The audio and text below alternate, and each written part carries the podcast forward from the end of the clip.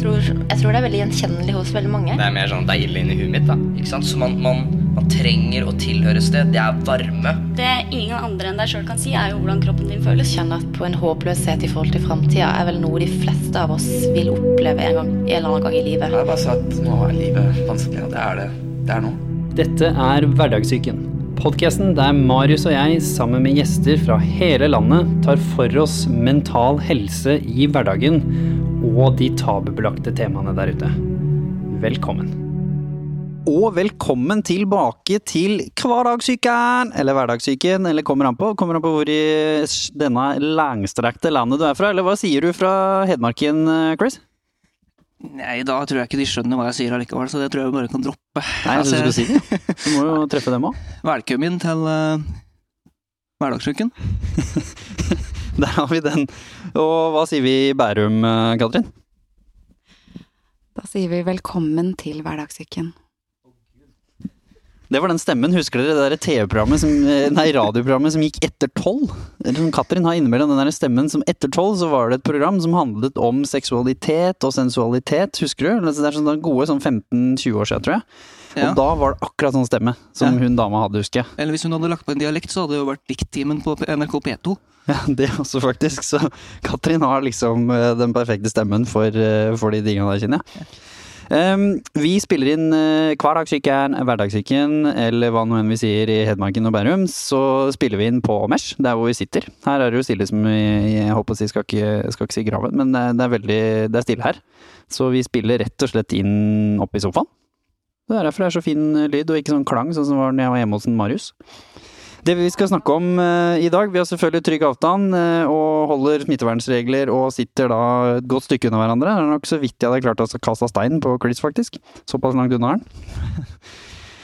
Eh, Det vi skal snakke om i dag, er at eh, Chris, eh, du er med oss. Du er i risikogruppen. Vi fant ut sist, så ble du nevnt i episoden med Marius, hvor vi snakket om at det var sånn røftlig regna mellom 15 og 20% sannsynlighet for at du hadde mista livet hvis du hadde fått koronavirus. Og selvfølgelig at eh, du også har eh, en eh, håper å si kone, dere er ikke gift ennå, men samboer og kjæreste over ti år som er gravid med ditt første barn.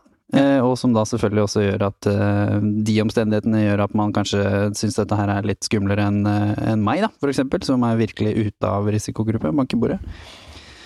Eh, Så vi skal snakke om det, hvordan det er, hvordan det har vært for deg, og hvordan det har vært å være i på en måte selvvalgt karantene som en i risikogruppen, og hvordan du har håndtert deg, og hvordan du har sett verden rundt deg. Og så skal vi ta med Katrin, som har vært i den pålagte reisekarantenen, som også er en eh, av de store debattemaene der ute. Hvordan det har vært, hvordan det har vært å tilpasse seg hjemmekontor, og hvordan det har vært å jobbe for Røde Kors, som sånn sett har måttet selvfølgelig agere på situasjonen også. Så du har jo da sittet med to virkelige virkelighetsbilder. Både den fra media og det vi alle andre er med på, men også et virkelighetsbilde fra en egentlig reaktiv organisasjon, da, som skal håndtere dette også. Der ute i verden. Eh, Så la oss begynne med deg, eh, Chris. Kan ikke du ta oss og slippe oss litt inn i hvordan hele dette har vært for deg fra starten, var vi, når vi alle egentlig bare litt sånn halvveis eh, håper jeg, Vi lo vel ikke av koronavirus, men hvor vi ikke så på det som noe farlig for Norge. Hvor det bare var en snål greier som skjedde borti Kina, og så plutselig var det Italia, og så plutselig var det full lockdown og krise i Norge. Ja, eh, det var vel når det kom til eh, Italia, så begynte jeg vel å skjønne at det her kommer til å komme også hit. Fordi eh, vi lever i tross alt i en globalisert verden og reiser veldig mye. og Man trenger ikke være seniorforsker i noe som helst for å forstå at uh, hvis det først kommer fra Kina til Italia, så kommer det også hit. Og Men jeg tror vel at de fleste ikke skjønte helt omfanget av det. Det tror jeg vi, vi ikke helt fatta. Ikke før mengder av dødsfall i Italia begynte å stige og stige, og det faktisk begynte å bli så sånn at uka før det blei tiltak her i Norge, da skjønte jeg at eh, nå må vi gjøre noe. Og eh, det har jo vært sånn når jeg har vært hjemme Jeg har også faktisk hatt har jo hatt en ganske stygg hoste og litt sånne ting. Eh, stygg hoste i et par uker. Og hatt så småvondt i brystet og vondt i, vondt i halsen. Så jeg har jo vært hjemme og sjukmeldt eh, et par uker. Og er det også eh, også eh, fram til etter påske. Eh, til etter påske. Så eh, Hva skal jeg si? Det, det, det er vanskelig å sette, beskrive det, egentlig, men det er jo sånn at eh, jeg tør jo ikke å gå på jobb. Fordi jeg er redd for at ting kan skje. Og legen har jo også sagt at eh, vi kan ikke garantere eller nekte for at du har en mild form for koronaviruset nå, eller om det bare er en vanlig lungeveisinfeksjon. Så sånn sett så er jo det litt sånn ok, skummelt. Um, greia er jo at jeg har, per i dag så har jeg, for de som ikke vet det, så har jeg da født med en hjertefeil. Som er eh, kronisk, som jeg lever med hele livet. Uh, Men uh, jeg kan leve fint med det, men akkurat per i dag så har jeg en lekkasje mellom i klaffen som går mellom lungen og hjertet. Som eh, gjør at der vil det lekke igjennom. Og skulle jeg få koronaviruset, så er det ekstra ille. Om det ikke var ille nok fra før, så på grunn av lekkasjen, så kan det være virkelig end of the night. Mm. Og mm, jeg er ikke noe Altså, jeg er ikke noe sånn at jeg, har, jeg bryr meg så veldig mye om meg sjøl, men jeg har blitt sterkere av det nå, når jeg vet at det er et barn på vei, og jeg faktisk har lyst til å se at det barnet får en far. Ikke, Fordi du hadde en sånn, eh, som jeg også nevnte i forrige episode for så vidt, så hadde du en sånn liten En hedmarkingutblåsning. Altså, jeg kjenner jo deg og ser på deg som en av mine nærmeste venner. Eh, Så, så sånn sett så, så skjønner jeg jo hva som ligger bak. Men kan ikke du få slippe oss litt inn i din emosjonelle verden? Hva var det som foregikk før det kom? For det er ikke noe du har for vane å gjøre. Du er ikke en type som har for vane å verken spre det ene eller det andre på sosiale medier, annet enn tryllinga di og good vibes, egentlig. Og så kom det en, en melding da, som jeg oppfatta som, som en utblåsning, rett og slett. Men som jeg skjønte det lå noe emosjonelt eh, bak. Kan ikke du ta oss med til de fryktene og hva som skjedde inni deg før du skrev, da, på en måte? Hva var det som reelt eh, du var redd for? Ja, eh, først må jeg si at som du sier, altså jeg en ganske konfliktsky type. Eh, Jeg gidder jo ikke å diskutere med en pissmaur engang, ikke sant. Det er sånn vi hedmarkinger er, mange av oss. Men når det først blåses ut, da, så blåser vi veldig ut. Eh, Det var egentlig men det er mye den Altså, jeg, nå skal jeg si det jeg mener, og det her kommer sikkert til å komme litt brått på veldig mange. Eh, Men jeg mener jo at Norge er kanskje et av de mest egoistiske landene i verden. Hva legger du i det? Jeg mener at vi er litt for selvsentrerte. Altså når, du, når det viktigste i livet blir å dra på hytta i påsken, da mener jeg kanskje det at da burde du kanskje reflektere litt mer over livet ditt og hvordan verden fungerer, og hvorfor vi er her på planeten, og hvordan et, faktisk et sosialdemokrati fungerer. Eh, Da mener jeg kanskje at du har hatt det litt for godt, og kanskje har fått eh, Hva skal jeg si eh, Fått det sånn du vil da, i hele livet, uten å få noe veldig mye motstand. Nå banker jeg litt i bordet her, men Jo, men altså dette har vi snakket om i, i flere episoder også, og jeg som har sett store deler av den utviklings- og slitne verdenen, hvis vi kan kalle det det, så, så har vi jo kommet til et stadie i altså evolusjonen, utviklingen, kall det hva du vil, i samfunnet i Norge som gjør at de fleste av oss, heldigvis, bank i bordet, hvis man da ikke har sykdom medfødt som deg, eller andre tøffe oppvekst og mobbing og de tingene som jeg har vært igjennom, så er det ikke nødvendigvis fullt så mye utfordringer du har. Og i hvert fall ikke hvis du begynner å sammenligne med andre land. Altså Hvis vi bare sammenligner med England, så er vi jo England er jo steinalderen altså Ja. i forhold til Norge når det handler om sosial utvikling, helsesystemet.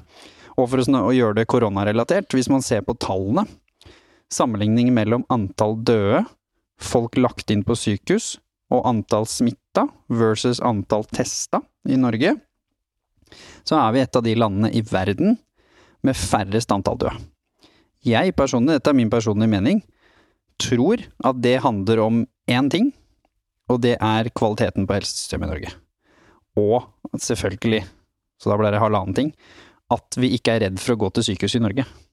Hvis vi nå tar dette på alvor, som vi selvfølgelig gjorde, og veldig mange mennesker tenkte å shit, dette er ikke noe tull, dette kan vi dø av, for vi så det i Italia. Så går du til sykehus, og når du kommer på sykehus, så blir du tatt på alvor nå. Og blir du tatt på alvor nå, så gjør man alt det som er medisinsk fysisk mulig for at du skal overleve. Det er så enkelt som det. Og vi har et fantastisk helsesystem, koster ingenting og er gratis, og det er ikke noen hindringer og alt dette her. Og derfor tror jeg personlig at vi kommer til å ha noen av de laveste dødstallene i verden. På grunn av at vi er privileged, basically. Heldig. Bygd opp.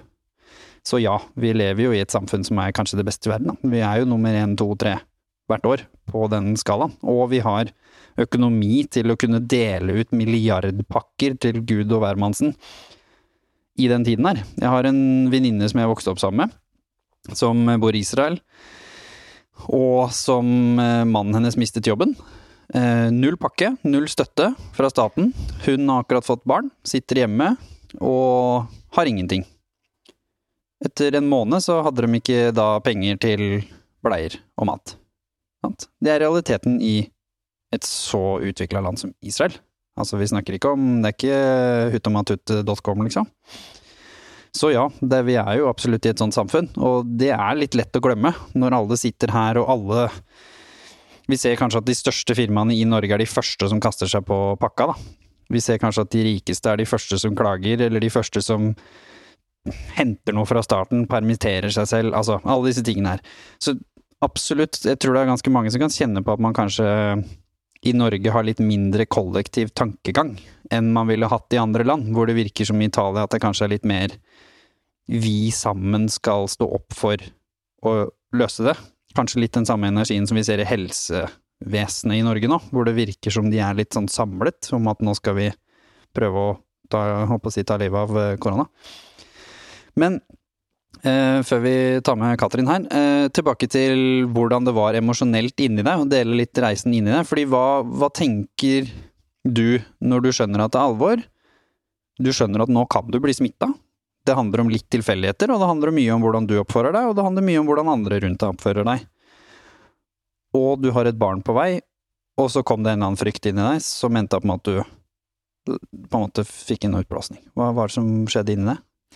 Det, det ble et sånn indre raseri, på en måte, som bare måtte ut. At det nå fikk jeg bare altså Det som gikk i hodet mitt, var at uh, nå, må, nå, må, jeg bare fortelle de jævla idiotene at nå må jeg sette skapet på plass.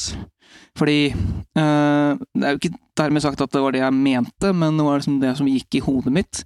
Og vet jo, Hvis man er sinna, uh, og det bruser over, så er man ikke akkurat veldig rasjonell kan man jo trygt si. Men det, det ble det derre overlevelsesinstinktet når du vet at du, du har familie, et familiemedlem på vei du, altså, du tenker din egen families sikkerhet. Det blir som om du blir putta i en krig, og alt du tenker på er bare å komme deg over på andre sida av grensen. Du, blir, du, gjør alt du kan for å liksom bare Dit skal vi. Samme F. Og da, da blir det en sånn liten utblåsning, og greit, altså, hvis folk Altså Hvis folk blir såra av utblåsningen eller det jeg sier i denne episoden her, så får det være, men jeg tror, bare, jeg tror det bare er sunt på ett vis at uh, man hører det man Altså ærlighet. For Én ting er at du ikke blir rasjonell, men du blir iallfall ærlig idet du får en utblåsning. Hva var du var redd for? Hva var det som skjedde inni følelsene dine og inni hodet ditt?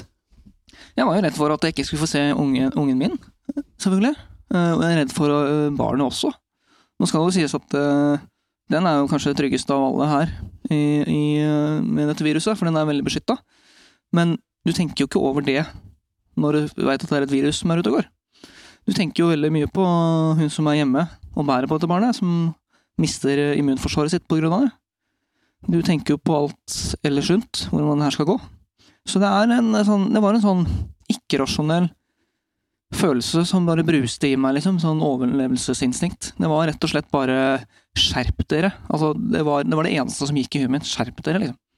Det var uh, Hvis jeg skal si det på en veldig pen måte. så det er en sånn uh, Altså, jeg, i, i, den hverdagen jeg gjør når jeg gjør show og sånne ting, og jeg gjør en del sånne uh, Ja, ganske Jeg jobber mye med psykologi, da. I den må, måten jeg jobber på. Og jeg bruker veldig mye energi på å lese mennesker og menneskehetens natur. Og den blir veldig mye forsterka nå i en krisesituasjon. Altså, det er nå du ser hvilke valg vi som nasjon og vi som menneskehet er eh, har muligheter for å ta, eh, og tenker at vi vil ta, i krisesituasjoner. Du ser kanskje ikke det så veldig mye i hverdagen, men du ser det nå, spesielt. Og da går en sånn derre djevel i meg som sier at vet du hva, nå, det her går ikke. Jeg må beskytte meg og mitt, og jeg må beskytte alle de der ute som er har den samme sykdommen. Som har det samme dårlige immunforsvaret. Og jeg vet at jeg, jeg er ikke den eneste som venter på å bli far med en sykdom. Jeg vet at det er flere mødre der ute som også er, har, lider av en alvorlig sykdom, som også er gravide i tillegg. Så det var en sånn sammenkobling av mye emosjonelt som jeg har hatt gått og bært på i veldig lang tid, da. Og jeg har hatt lyst til å si. Og det passa det veldig bra nå å si det. Og da, da blei det veldig ikke rasjonelt, men veldig ærlig. Jeg syns jo det er veldig fint det du sier, Chris, i forhold til at eh, det ikke er rasjonelt. Og jeg tror det er kanskje det som hadde vært enda mer spennende å ha mer fokus på også i mediene nå, da. Vi, nå er vi veldig praktisk anlagt på et visst punkt her, sant? Og det er jo absolutt flere som belyser at eh, nå må vi også ta vare på den mentale helsen vår. Ehm, da Norge gikk i shutdown, så var jeg på vei til Tyskland. Eh, da alle Da det begynte å bli rimelig tydelig at grenser kom til å stenges, og, og i det hele tatt. Og når jeg da skulle reise hjem, bare noen dager etterpå, eh, så begynte det med at flyet mitt ble kansellert. Det var første gang hvor du kjenner at ok, shit, kanskje jeg ikke kommer meg hjem. Og så eh, litt den samme som du kjente på, at plutselig så var det jo det, får jeg moren min med meg?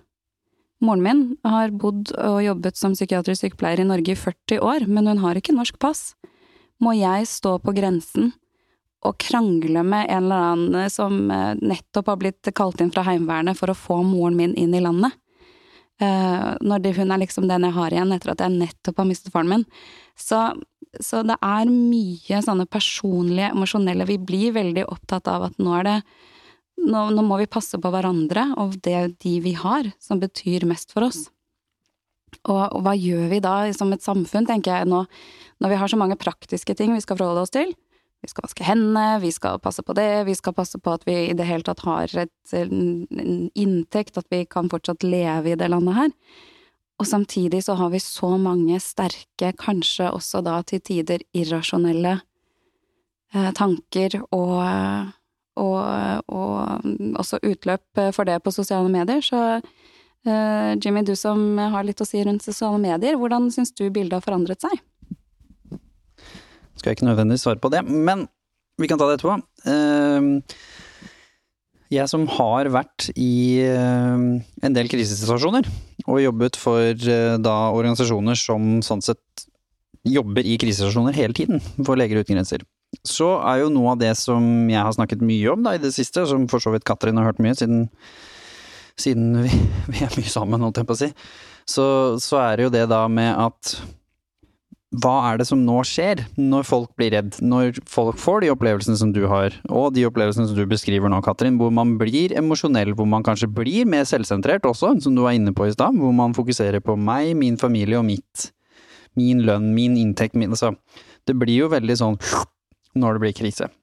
Og når man da ikke har noe erfaring med å håndtere krise, som de færreste i Norge har, altså det nærmeste vi var vært en krise sist gang, det var jo da selvfølgelig 22. juli, og den påvirket ikke hele landet. Den påvirket da stort i Oslo, og selvfølgelig alle som var involvert i de, de som dessverre både ble påvirket og mistet livet. Men det var ikke noen nasjonal krise på samme måte som korona. Nå er korona overalt. Nå er den i hele Norge. Og dette kommer til å ta livet av mange etter hvert, uansett hva vi gjør nå. For nå er det i landet, så nå får vi ikke gjort noe med det.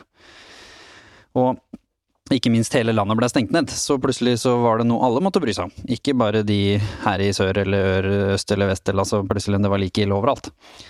Og det med å holde roen nå, og klare å se det store bildet, er nesten umulig for de fleste av oss, fordi man er emosjonelle. Og det er jo der hvor jeg tenker at det er viktig å snakke om dette på f.eks. Hverdagssyken, på podkasten vår. For å prøve å gjøre folk bevisste på at dette skjer. Fordi hvis du er klar over at du er muligens irrasjonell nå, og de rundt deg er det, så kan det hende at vi kan hjelpe hverandre å ta kloke valg kollektivt. Som for eksempel å avlyse påsken, hvis vi skal kalle det det. Og det sier seg jo egentlig sjøl, og jeg tror de fleste heldigvis, da, nå er det nok de som skriker høyest om det å få lov å dra på hytta, jeg tror ikke de representerer flertallet i Norge heldigvis, men det er veldig ofte de samme, da.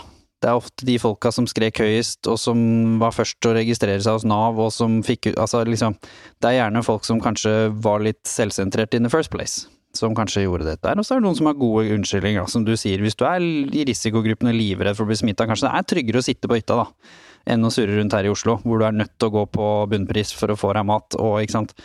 Så det er jo ikke det at det ikke er gode grunner heller til at noen burde fått dispensasjon, men problemet er at hvis staten hadde åpna den boksen på pressekonferansen, så hadde alle idiotene brukt den samme. Det var jo masse folk som registrerte bostedsadressen sin på hytta, for å da kunne lure seg unna. Og da blir det liksom litt sånn, hallo. Politiet eller Sivilforsvaret eller staten kommer ikke til å stoppe noen som har en fornuftig forklaring på hvorfor de drar på hytta. Det kommer de ikke til å gjøre. Dette er ikke, det er ikke Kina, liksom. Det er ikke en, det er ikke en totalitær stat, dette her. Men de må si det kollektivt, fordi hvis ikke man i krisesituasjoner er tydelig, så blir det kaos. Det var noe jeg lærte veldig fort i, i de opplevelsene jeg har hatt, da. Og jeg kjenner jo veldig på det når, for å svare på det du spurte om, Katrin, når man lever i sosiale medieverden såpass mye som jeg gjør, og som vi gjør, så har jeg lagt veldig merke til hvordan det har endret seg, kommunikasjonen i sosiale medier til at det stort sett handla om litt ubetydelige ting, da, frem til nå, egentlig. Og så var det disse forskjellige engasjerte menneskene, som meg selv, som hadde kampsakene sine. Sosiale medier, holdt jeg på å si, mental helse for meg. Klima for andre. eh, Kvinnesaken, altså alle de tingene. Det er jo oftest det sosiale medier bruker på. Og så var det mye krangling, og mye sånn visvas. Nå, ikke sant. Nå skjønner man at det er visvas, når man står i koronasituasjonen. Så blir man liksom, hvorfor krangler vi om det her egentlig? Det betydde jo ingenting. Og litt problemet er at, uten at jeg skal trekke fram liksom nødvendigvis hvem det er i familien min, men det er, det er flere i min familie som får hele sin virkelighet formet av sosiale medier og VG og NRK, og som sånn sett, som de fleste i Norge, lærer derfra. Problemet med det er at de vet egentlig ikke hva som foregår. Og når alle helsesøstre der ute og sykesøstre der ute, with all due respect til det fantastiske helsepersonellet vårt, plutselig blir smittevernsekspert, så mister du meg. Da blir jeg litt sånn, vet du hva, nå snakker du faktisk om noe du ikke kan noe om. Ikke sant? Det er litt viktig at man ikke tar på seg den selvpåropte eksperten nå, fordi nå, i krisesituasjon, så skal vi clear the field, som vi sier i emergency, til de som har noe å si, som har verdi for folk der ute som hjelper folk der ute å være rasjonell. Fordi når du er rasjonell, så tar du bedre valg, og tar du bedre valg, og så videre, ikke sant, og så løser dette her seg. Ja, kjedde litt igjen i det du beskriver der, fordi det er vel aldri Altså, det å selv si at man er ekspert, er vel uh, veldig enkelt. Bare se på antall fotballeksperter vi har i, i, verden, så skjønner man jo fort det. det er, er ikke du ekspert i fotball? Det er jeg. Ja, jeg, jeg, jeg er også ekspert i fotball, men jeg er jo egentlig ikke det. Uh, men, men, det også du sier, som jeg sa helt i begynnelsen, så er Norge et av de mest selvsentrerte landene. Og jeg må jo skyte inn der at uh, på grunn av min tilstand og, og, mitt kommende barn, så er jo jeg også med i den statistikken. Jeg har jo blitt utrolig selvsentrert etter denne krisen. Så jeg skal ikke rope noe høyt her og si uh, at dere mot meg, men, uh, for jeg er jo utrolig selvsentrert, jeg også. Men jeg merker også det at jeg kommer fra en liten, veldig liten bygd, og det er det veldig mange som gjør. Og jeg har jo veldig mange folk som, på Facebook som kommer fra små bygder. Og de skaper jo på sosiale medier så skaper de veldig store sånne Hva heter det Frykt. Og poster alt mulig slags fra at det har vært svartedauden i Kina og alt mulig sånne ting. Da tenker jeg at uh, her, ja, altså vi lever i Oslo. Det er jo her det virkelig er spredning akkurat nå. Mens på en liten bygd så er det én, det er kanskje én som er smitta, og den er i isolasjon. Altså, på en måte så må vi også fortsette å være sånn? Ja, heldigvis. Mm. Uh, men på den annen side da, så må vi liksom begynne å kanskje, som jeg sier, da, tenke litt mer rasjonelt, da. Mm. Over hver enkelt situasjon. Og nå som jeg har fått min utblåsning, så er det ok, da er den Jeg kjenner jo det at jeg har roa meg litt, men samtidig så er jeg jo veldig påpasselig på at eh, det, altså Hvis jeg må på butikken, for eksempel, og det er en, en eller annen fyr som bevisst går rett ved siden av meg uten å holde avstand, så får jeg jo lyst til å én smelle han ned, og to skrike han i trynet etterpå. Med én meters avstand, selvfølgelig. Eh, men meters avstand. Med de korte armene dine, så hadde jo ikke du nådd bort til han, da, brorsan. hvis Nei, nei, jeg måtte på en få meter noen andre til å gjøre det med mine armer.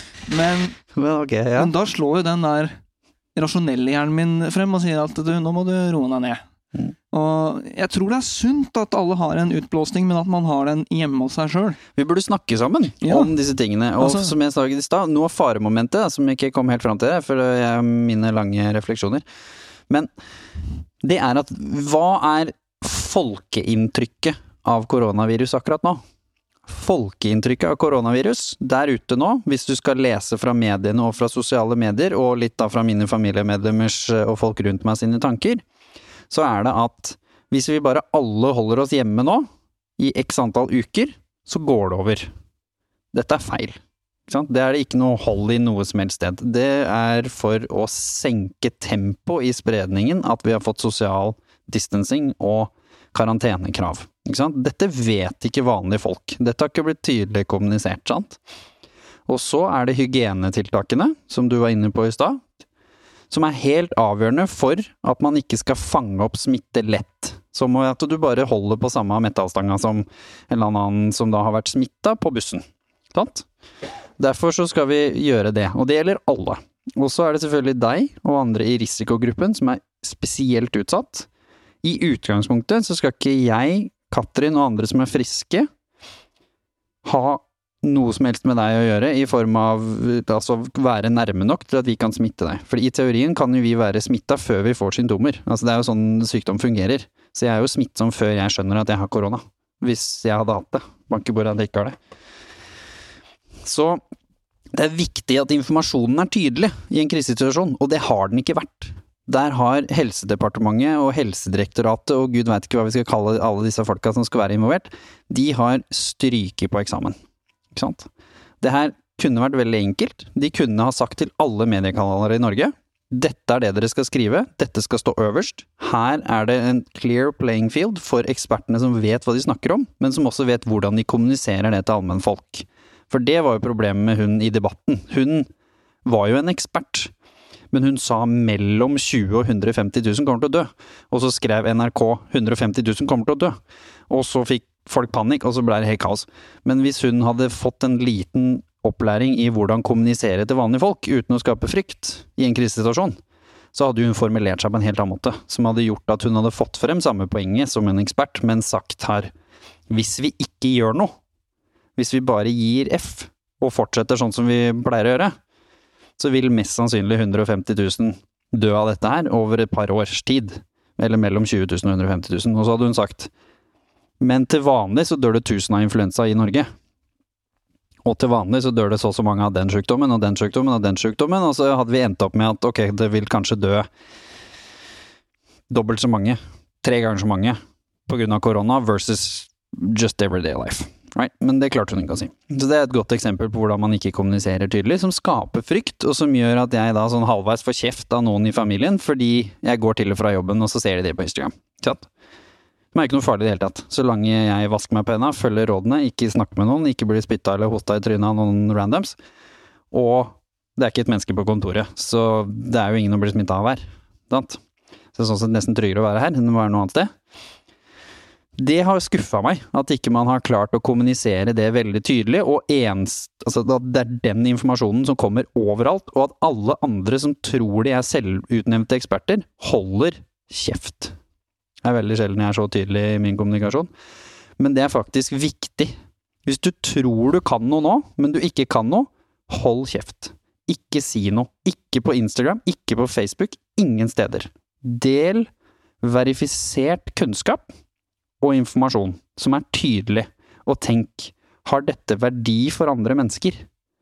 Hjelper jeg noen å skjønne situasjonen nå, eller deler jeg en konspirasjonsteori fra Kina om at dette er menneskeskapt eller dyreskapt eller alienskapt eller guden veit hva folk deler? Fordi hvis ikke vi håndterer redselen som er der ute nå, så kommer dette til å få så langsiktige, fatale konsekvenser for Norge som land. at da er det ikke sikkert at vi kommer oss ordentlig i andre enden. Vi kommer oss uansett fordi vi er Norge, men kanskje ikke ordentlig. Vi driver jo i Mental Helse. Hva tror folk kommer til å skje med selvmordstallene der ute nå? De kommer til å gå i taket. Du trenger ikke å være ekspert for å skjønne det, fordi alle som sleit fra før, sliter mer nå. Det betyr ikke at de ikke kanskje hadde havna i den situasjonen om et år eller to eller tre måneder eller whatever. Du også har jo vært i den situasjonen, men tenk deg nå hvis du satt nå på det rommet med kniven på hånda som du har delt her før i hverdagssyken, nå med dette på toppen. Så jeg er bare veldig glad for at vi går mot sommeren jeg, nå, at det ikke går mot uh, seinhøst og vinteren. Ja. Da, altså, det hadde virkelig vært uh, krise for Norge som nasjon. På, med tanke på all uh, den høye statistikken på selvmordsforsøk vi har i det landet her. Mm. Og jeg var jo bare veldig takknemlig for at uh, moren min som sagt er psykiatrisk sykepleier, når jeg satt der og kjente på denne angsten med å prøve å få henne inn i landet, at jeg hadde, kunne, ha, kunne ha noen som kunne reflektere med meg på en annen måte, da. Uh, as a trained professional, som de så fint sier. Um, og, og, det er jo det vi ser da i forhold til uh, dagjobben min, Norges Røde Kors. De har jo virkelig klart å gå fra business uh, as usual til å snu seg rundt. Det tok ikke lange tiden før de programmene som uh, vi har uh, rundt omkring i, i, landet i dag, tilpasset seg veldig fort. Fordi de så et nytt humanitært behov, og, og det er jo det de er gode på. Å snu seg rundt og, og begynne med nye tiltak. Um, men, men, så er jo spørsmålene, ok, hvis vi nå går rundt kring og, og, blir drevet av frykt hele tiden, hvor er det vi da skal sette i gang for å, for å snu den trenden, da? Det er jo som du sier, Jimmy, at nå er det jo noen som prøver, men er de tiltakene nok? Hva er det som skal til for å spre de? Eh, altså, for å se litt sånn lengre perspektiv på det her, da, så ser jeg jo et håp her, fordi mennesket som, som en art er jo veldig flink til å tilpasse seg eh, situasjoner. Det har vi jo alltid vært. Utafor Norge, da. ja, det kan du si. Men jeg, jeg tror også, hvis vi først går dypt inn i det, så tror jeg også nordmenn kan gjøre det.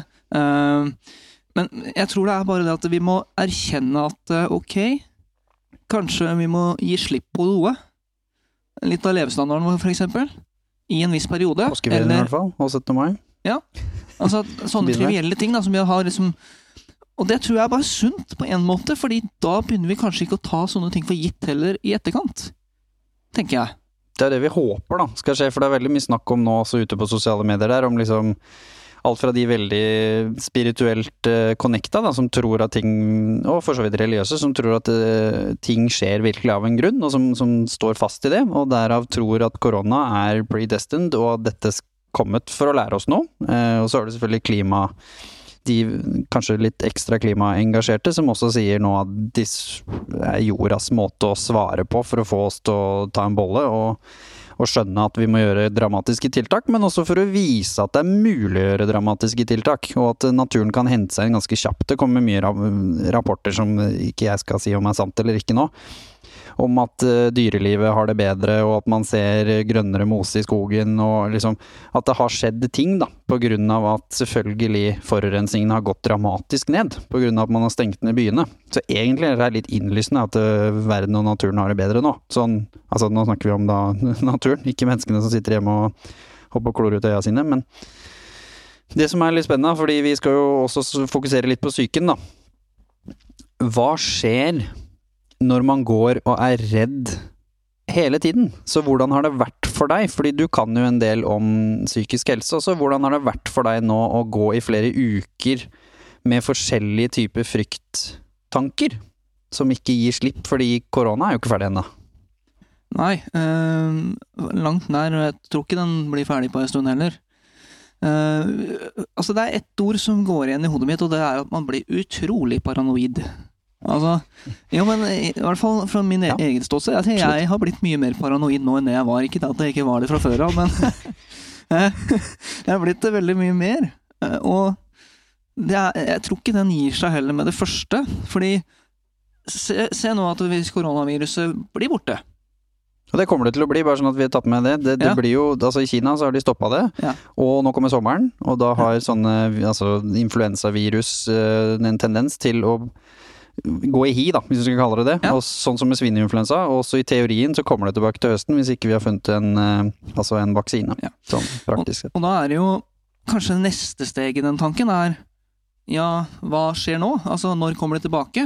Men det her er jo ikke det første viruset som kommer til å eh, gå i verden og skape den situasjonen vi er i nå. Nope. Så eh, da blir man jo litt sånn paranoid på det. Men jeg, jeg føler i hvert fall det at akkurat nå så er det å gå rundt og være redd hele tiden, det er jo det er ikke noe godt. Det er jo fryktelig, egentlig både fysisk og psykisk. Du kjenner jo at du er litt sånn sliten av det. Og du prøver å tenke langt frem, da. Eh, Mot, altså, eneste jeg tenker nå, er liksom termindatoen vår. Mm. Ikke sant? Men allikevel altså, prøver jeg å tenke april, mai, juni. Altså Før korona så tenkte jeg bare termindatoen.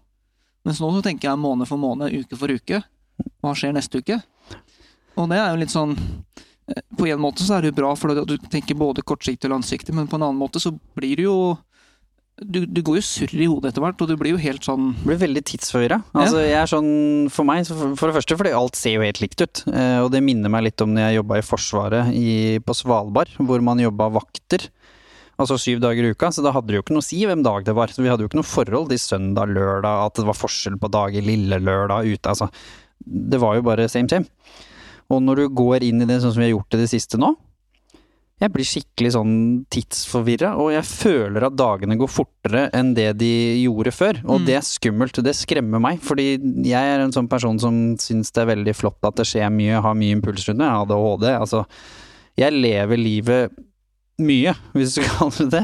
Og derfor så går, oppleves dagene som at de går ganske sakte. Ja. Mens når vi havner inn i sånn rutine som vi gjør nå, hvor det bare er det samme, og jeg lite interagerer med mennesker, så opplever jeg at jeg kommer til, kommer til torsdag, så sitter jeg sånn Hva skjedde nå? Var det ikke mandag i går?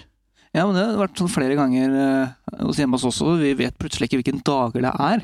Eh, Nå skal det sies at Jeg kan ikke se for meg deg i karantene i to uker. Det, det klarer jeg ikke, Jimmy.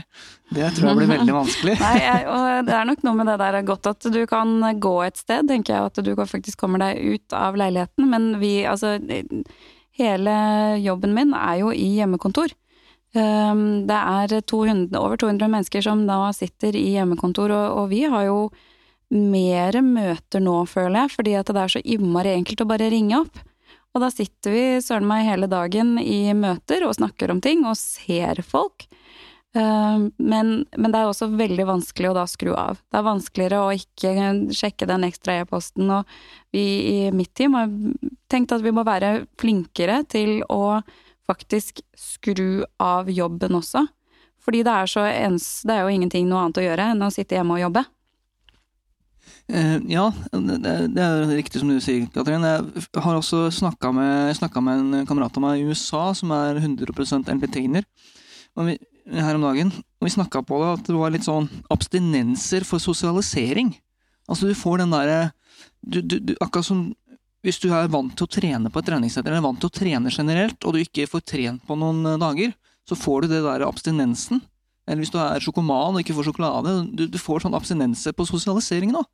Og nei, jeg har merka det litt sjøl også, og tatt meg veldig mye i det. Når jeg har fått følelsene, og de følelsene eh, har brust opp, så har jeg tenkt på noe faren min sa uh, til meg når jeg var uh, liten, eller yngre, da. Og det var at i dag er den første dagen i resten av ditt liv. Hedmarklærdom. Ja, hedmarklærdom, men den er veldig fin å ta med seg i den tida man er nå, når psyken spiller et puss med deg hver eneste dag.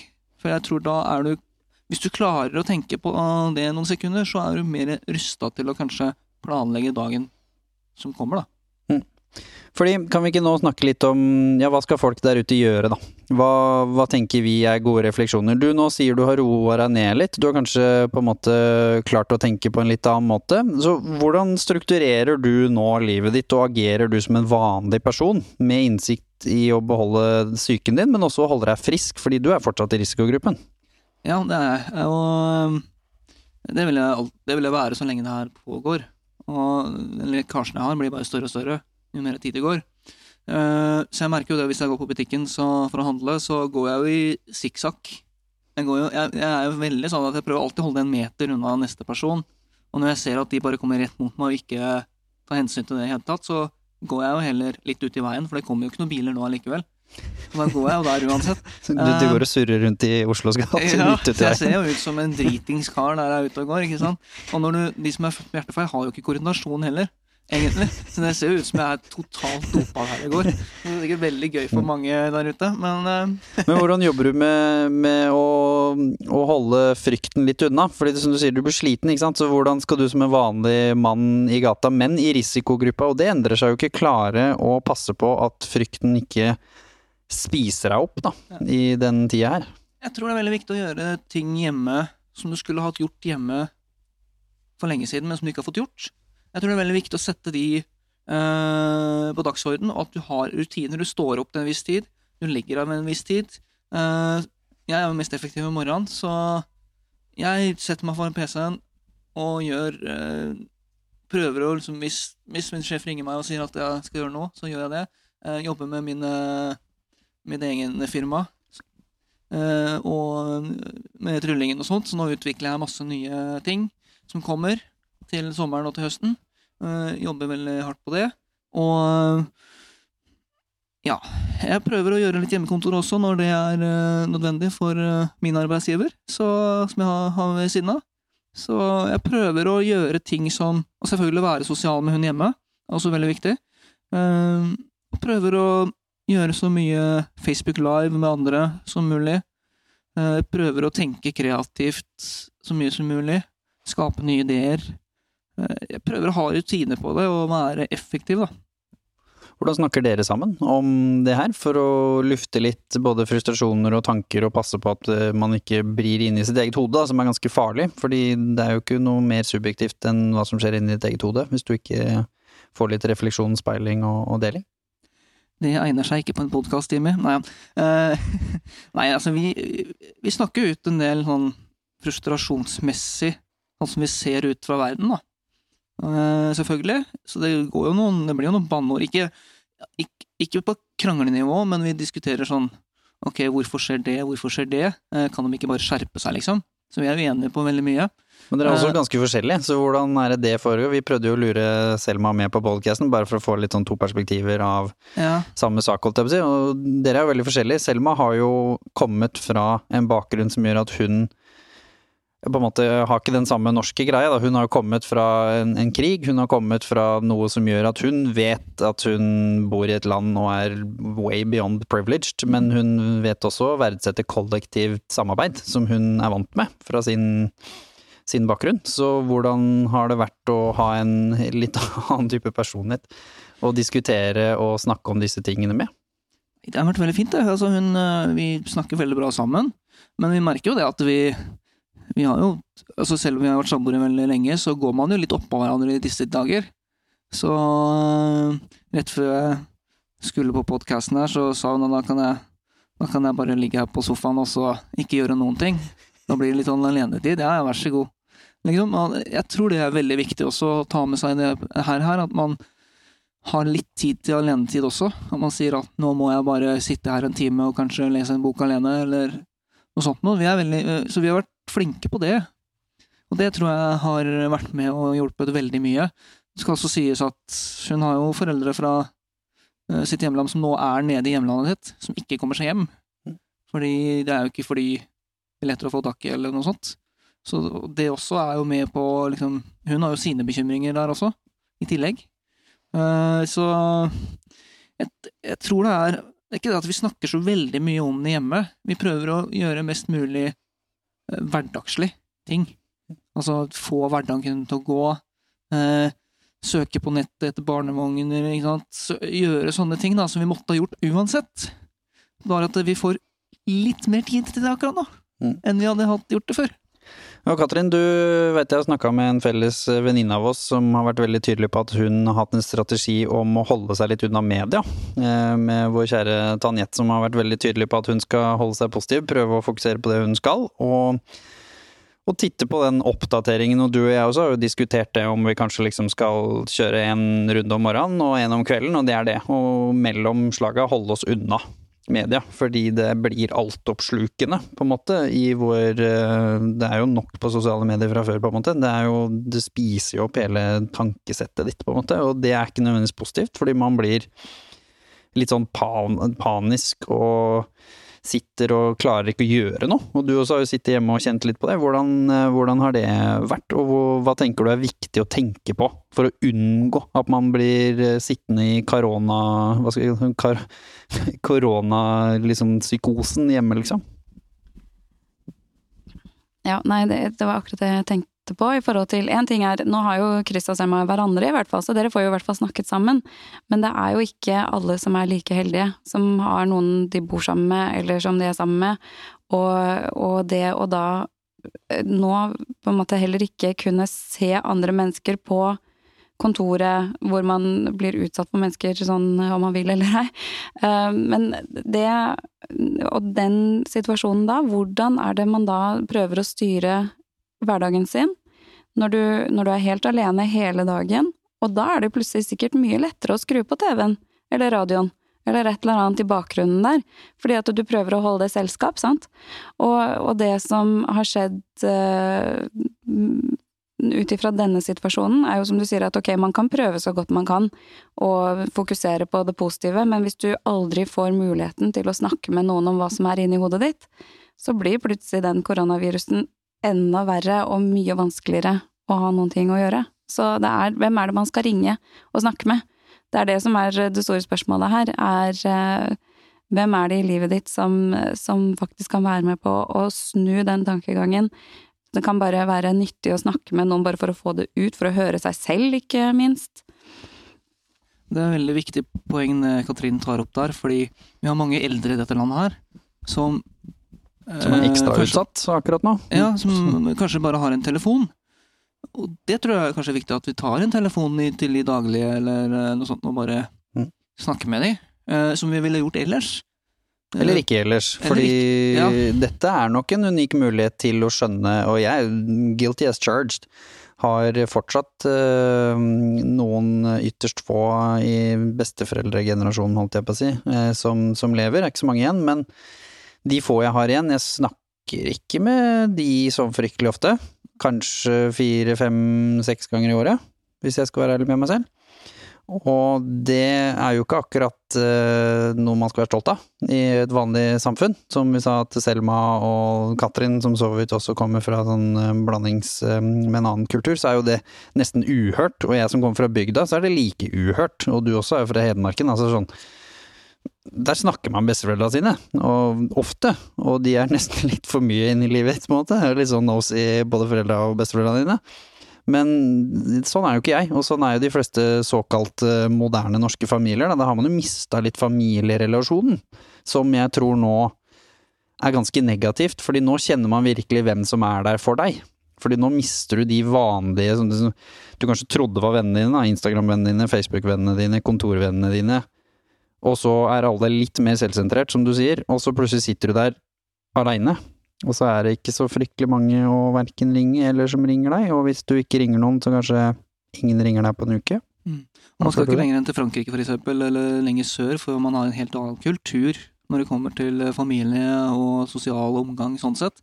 Eh, men så har jeg, jeg har også sett noen bekjente som Dette er en yngre generasjon, eh, for å ta med det. De har da gjort hver sin vinflaske, for eksempel to par eller to venner som skyper med hverandre. De spretter hver sin vinflaske, hver sin øl eller brus eller vann eller hva, hva, det måtte være. De lager seg hver sin mat og avtaler at da og da så skal de ha en middagssamtale eh, med hverandre. Da sitter de og spiser middag som de ville gjort, men de skyper i tillegg. Mm. Og det tror jeg er en sånn fin måte å kunne få Selv om du ikke får den sosialiseringen fysisk, så får du i hvert fall den sosialiseringen ved å se noen. Og Katrin hadde en sånt eh, magisk eh, greie som eh, Nå tror jeg ikke du endte opp med å gjøre det akkurat der og da, fordi du var litt sånn småsnufsen plutselig på det ene nesebordet, så da tok du deg ikke turen din. Du var flink, du fulgte karantenereglene. Nå gikk heldigvis det over, så det var ikke noe bankebordet-korona der. Uh, men du skulle ringe en kollega, og så skulle dere gå tur på to forskjellige locations, men dere skulle ha hverandre på øret. Den syns jeg var veldig fin. For det er litt sånn, vanligvis kanskje du da ville gått sammen med noen, men nå pga. karantene så er det jo ikke noe god idé å ta T-banen for å gå sammen i en park midt i sentrum. Det er idiot. Så da burde du kanskje gå der hvor du bor, og den andre personen går der hvor de bor. Så plutselig kan jo til og med jeg gå tur sammen med søstera mi som bor eh, to timer unna, tapse. Og så ringer vi hverandre. Og så får vi både den mosjonen og den lille friske lufta og turen som er anbefalt at vi skal få. Men du snakker med noen du er glad i, og som du kan sosialisere litt med. Bare om alt og ingenting. Kan for guds skyld være om noe annet enn korona også, bare sånn for å, å kjenne litt på det og snakke om noe annet. Men det syns jeg var et sånt kjempefint forslag. Jeg kjørte den gjennom psykologen vår her i, i, i The Human Aspect òg. Og han sa at det var altså, han, bare, ja, han bare Ja, det var skikkelig smart. Bare liksom, det var et sånt superforslag, for vi vet jo at det er positivt å gå. Det er bra for, for frisk luft, være ute i naturen, få sol. Og på toppen av det sosialisere med noen gjennom telefon. Det er jo smashing. Det er jo nå vi ser, eller nå vi kan få sett, hvordan teknologien kan bringe oss. Og hvor kanskje mye av det overflatiske som teknologien har gitt oss tidligere, kanskje blir borte i krisesituasjon, og kanskje kan bruke teknologien til en del sånne positive greier som du det det, nevner der, skal brukes til. Ja. Ja. Ja, så Hvis vi liksom nå runder av litt med tips og triks eh, fra vår side. da. Katrin, du som har vært god på hjemmekontor. Kan ikke du ta den delen? Hvis du nå skulle hatt noen tips og tanker til folk der ute om hvordan man gjennomfører hjemmekontor uten å bli koronaoppslukt, og samtidig selvfølgelig klare da å være like effektiv, for det tror jeg også er noe veldig mange kjenner på. At du bruker ti timer på det du brukte sju timer på på jobben før. Fordi du går og surrer mellom slaga eller blir koronaopptatt eller rett og slett bare ikke er effektiv, da. Hvordan, hva er dine beste tips og triks til eh, godt hjemmekontor?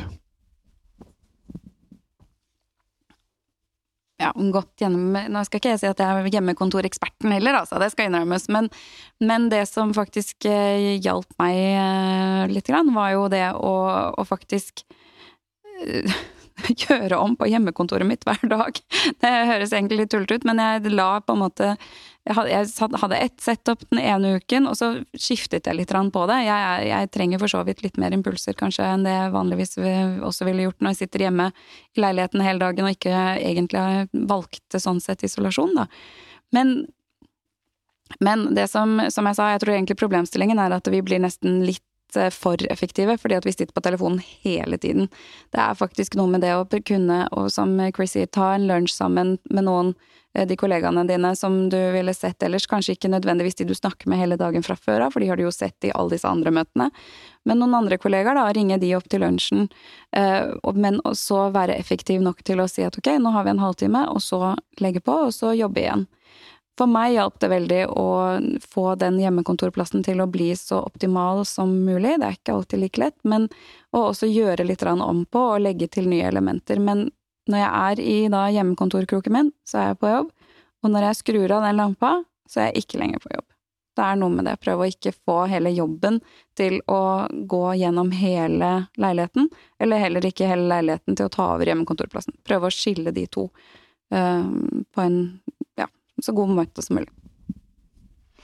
Ja, og ikke minst eh, være litt sånn praktisk, da, for å passe på at eh, man har listene sine og jobbe med de tinga der. Være litt effektiv i forhold til å ha tydelig jobb, som jeg sa til deg når jeg, jeg kom hjem her i dag. Så sa jeg at dette er vel kanskje en av de tøffere tidene jeg har vært i å være selvstyrt. Fordi nå skulle jeg ønske at i en situasjon hvor vi er kanskje litt stress, litt sliten av stresset og liksom ekstra påkjenning dette her er, så kunne jeg tenkt meg å bare hatt noen arbeidsoppgaver og kommet på jobb. Mens jeg må jo finne opp hjulet på nytt holdt hver dag jeg står opp. Og fokus Jeg har jo selvfølgelig viktige ting jeg skal gjøre og sånn, men jeg styrer jo min egen dag. Veldig. Og det er veldig digg, det, men akkurat nå når man øh, kanskje syns øh, livet er litt ekstra utfordrende, så skulle jeg ønske at jeg hadde bare en liste foran meg, og det var det jeg skulle gjøre, og når jeg var ferdig med den, så kunne jeg gå hjem, holdt jeg på å si. Sånn er det jo ikke hos meg. Så det å kanskje ha en liste, og sette opp den, og være litt strengere med de rutinene der, og være litt sånn stryke ut ting på lista, det tror jeg er lurt. Og da også si til deg sjøl at nå skal jeg gjøre den oppgaven her, den kommer til å ta to-tre timer ish.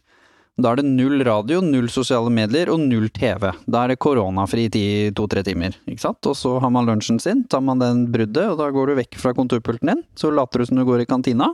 Jeg har sett noen sånne morsomme ting på sosiale medier som jeg syns er veldig fint, hvor folk liksom som egentlig skulle ut og reise og sånn, som liksom har vært litt kreative, da, som har liksom tatt et bilde av det de egentlig skulle reise på TV-en, og så har de satt seg så nærme TV-en at de nesten ikke ser noe annet, og så har de lagd en lunsj fra det landet, liksom en italiensk inspirert lunsj for eksempel, og så spiser de den foran da et eller bilde av Colosseum eller et eller annet, hvor man prøver å være litt kreativ for å hjelpe seg selv å få de litt små bruddene, og det høres nesten litt sånn tullete ut å ta et bilde av Roma i bakgrunn hvis du fikk kansellert en tur til Roma, som for så vidt var sikkert eh, greit at den ble kansellert.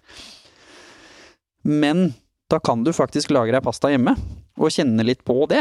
Og så er det det kreative forslaget ditt, da, tenker jeg, på å være litt flink der. Og jeg tror det er sunt for oss å bli utfordra på det, nettopp for å få brudd i hverdagen. Fordi går du inn i komarutine nå på korona, så kommer du til å oppleve mest sannsynlig det jeg beskrev i stad som noe som ender opp med å skremme deg litt, hvor du begynner å bli litt sånn nå dør jeg snart, bare fordi tida går fort, liksom. Det er ikke nødvendigvis positivt, kjenner jeg.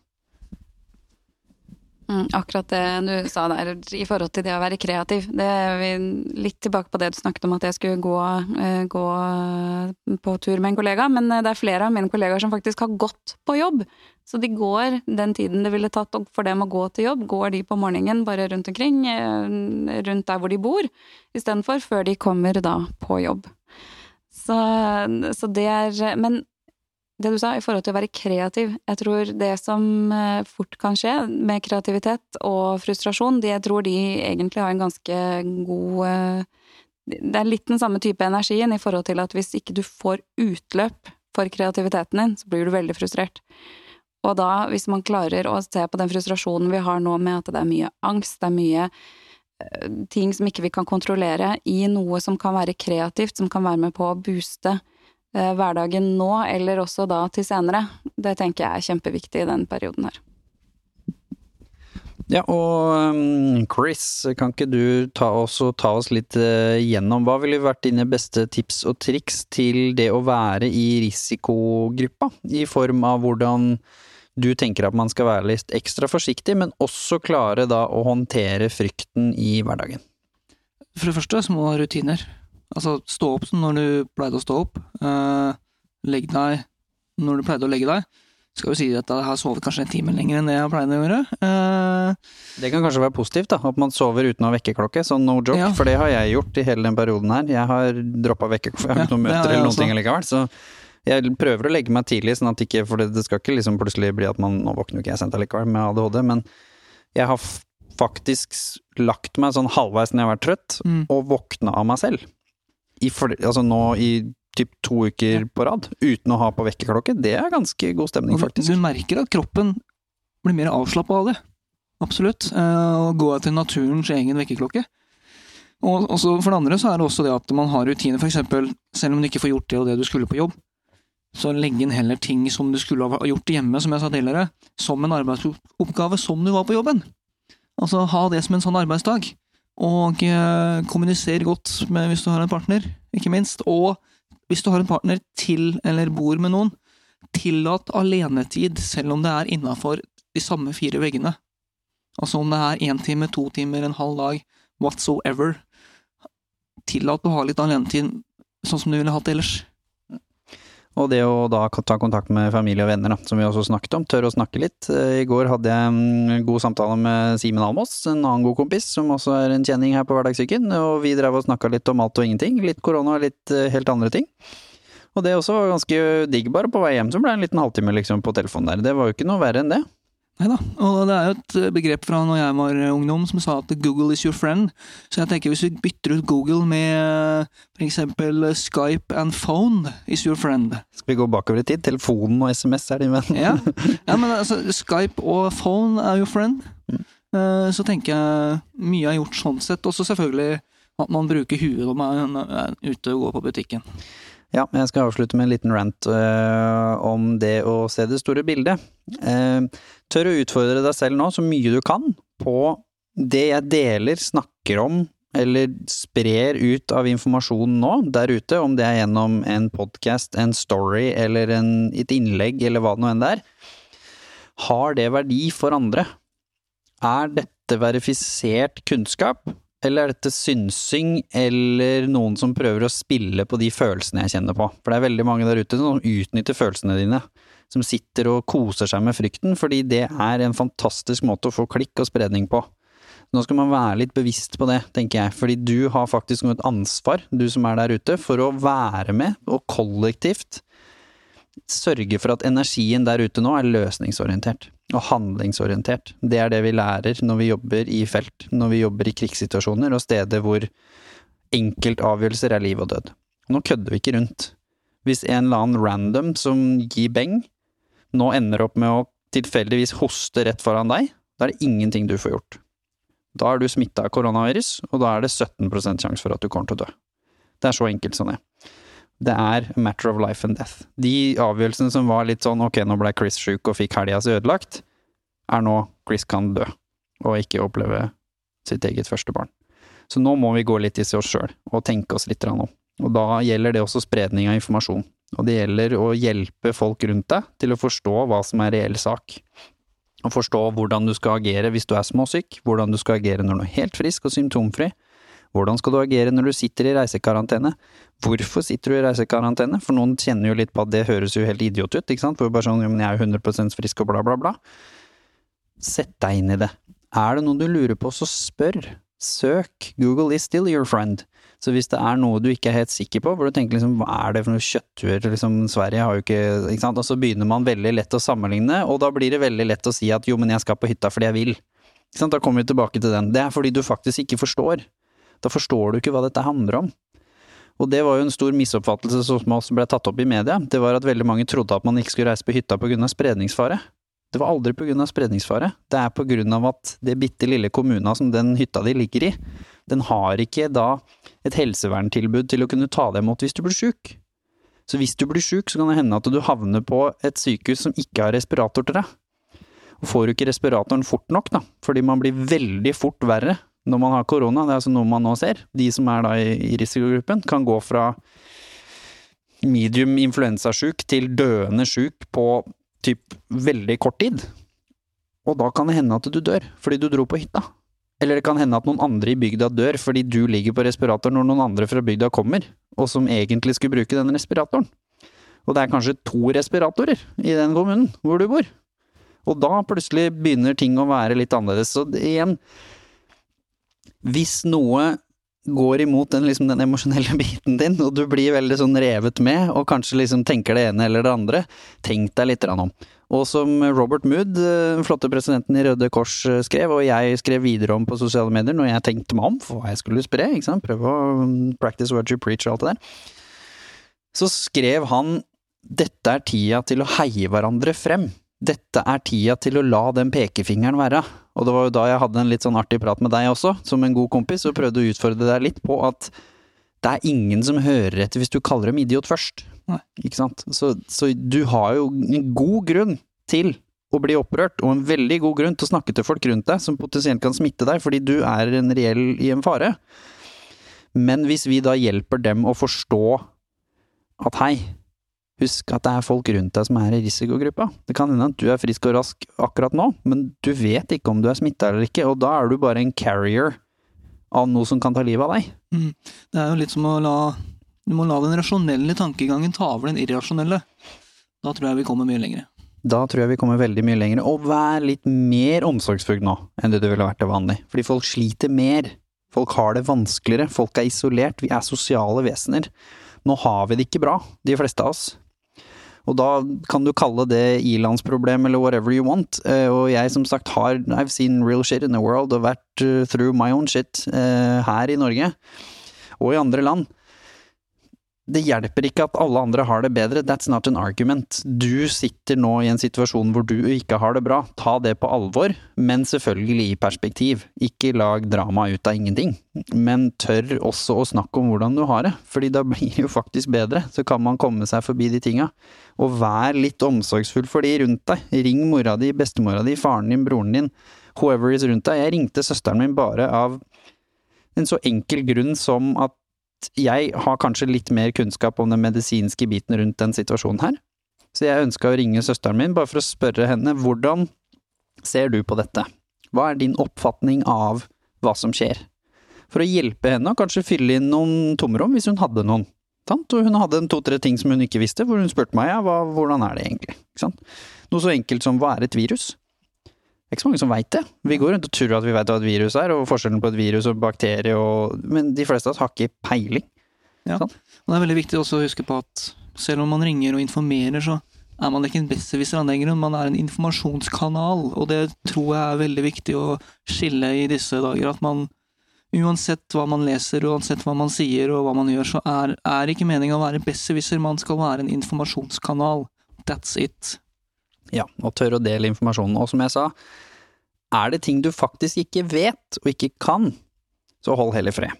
Sant? Den mesteparten av det jeg deler om dagen nå, handler om erfaring fra krisesituasjoner og hvordan vi skal håndtere situasjonen på best mulig måte. Jeg er ikke noe smittevernsekspert, men jeg har nok innsikt i å forstå informasjonen som jeg har fått av de som er det, som gjør at jeg faktisk kan lese det og skjønne det etterpå, og skjønne hvordan jeg må agere som en vanlig lekmann, holdt jeg på å si.